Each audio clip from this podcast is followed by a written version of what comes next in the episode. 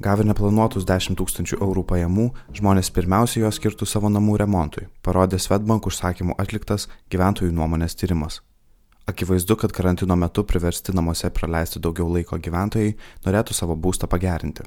Planuojant remonto darbus įprastai susidurima su dilema, kiek lėšų skirti atnaujinimui. Atsakymą rasti padės objektivus esamos būsto būklės įvertinimas ir aišku žinojimas, ką su nekilnojimu turtu ketinama daryti netolimoje ateityje. Būsto remontas yra savotiška investicija. Teisingai pasirinkus, ką ir kada darysime, galime ne tik sutaupyti pinigų, bet ir išvengti papildomų išlaidų ateityje.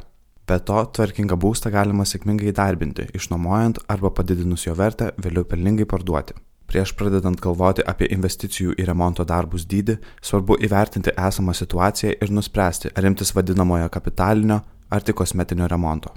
Kosmetinis remontas paprastai apima sienų ir lubų atnaujinimą, durų ar langų keitimą.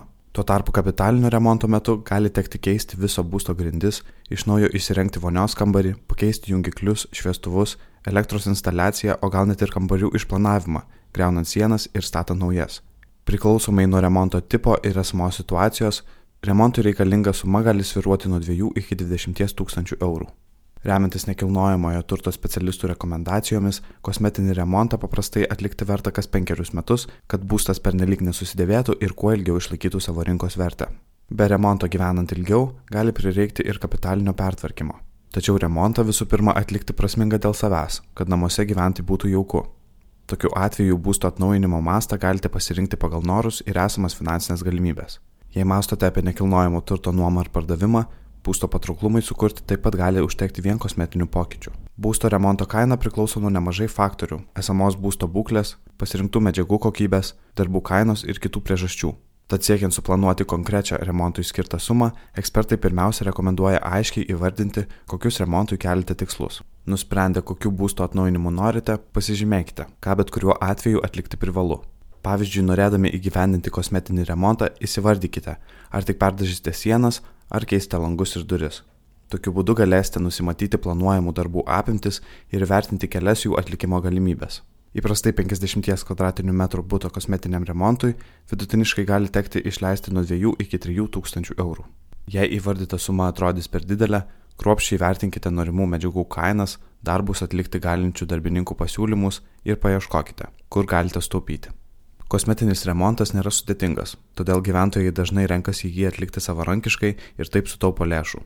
Be to, toks remontas nepriklauso nuo aplinkos sąlygų, tad gali būti atliekamas ir žiemą, kai remonto darbų kainos paprastai būna mažesnės nei vasarą.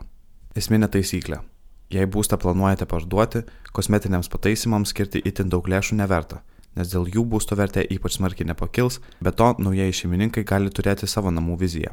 Tuo tarpu kapitalinio remonto kaina priklauso nuo būsto būklės ir amžiaus. Senesnės statybos būstas dažniausiai reikalauja daugiau investicijų.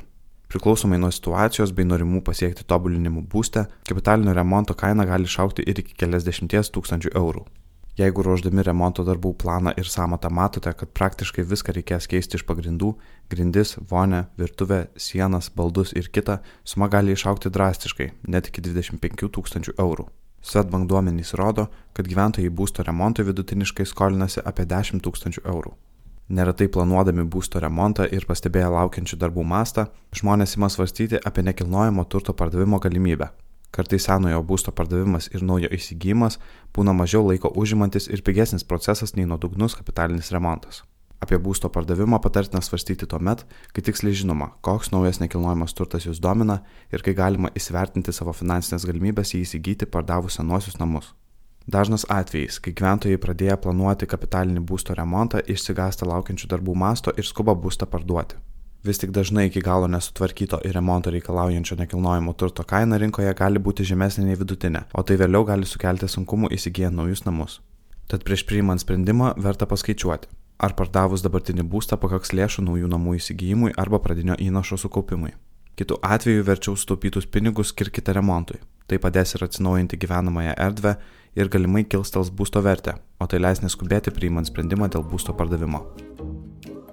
Komentarą paruošė Svetbank finansų instituto vadovė Juratė Cvilikienė. Įgarsino Kristijonas Vaičiukauskas.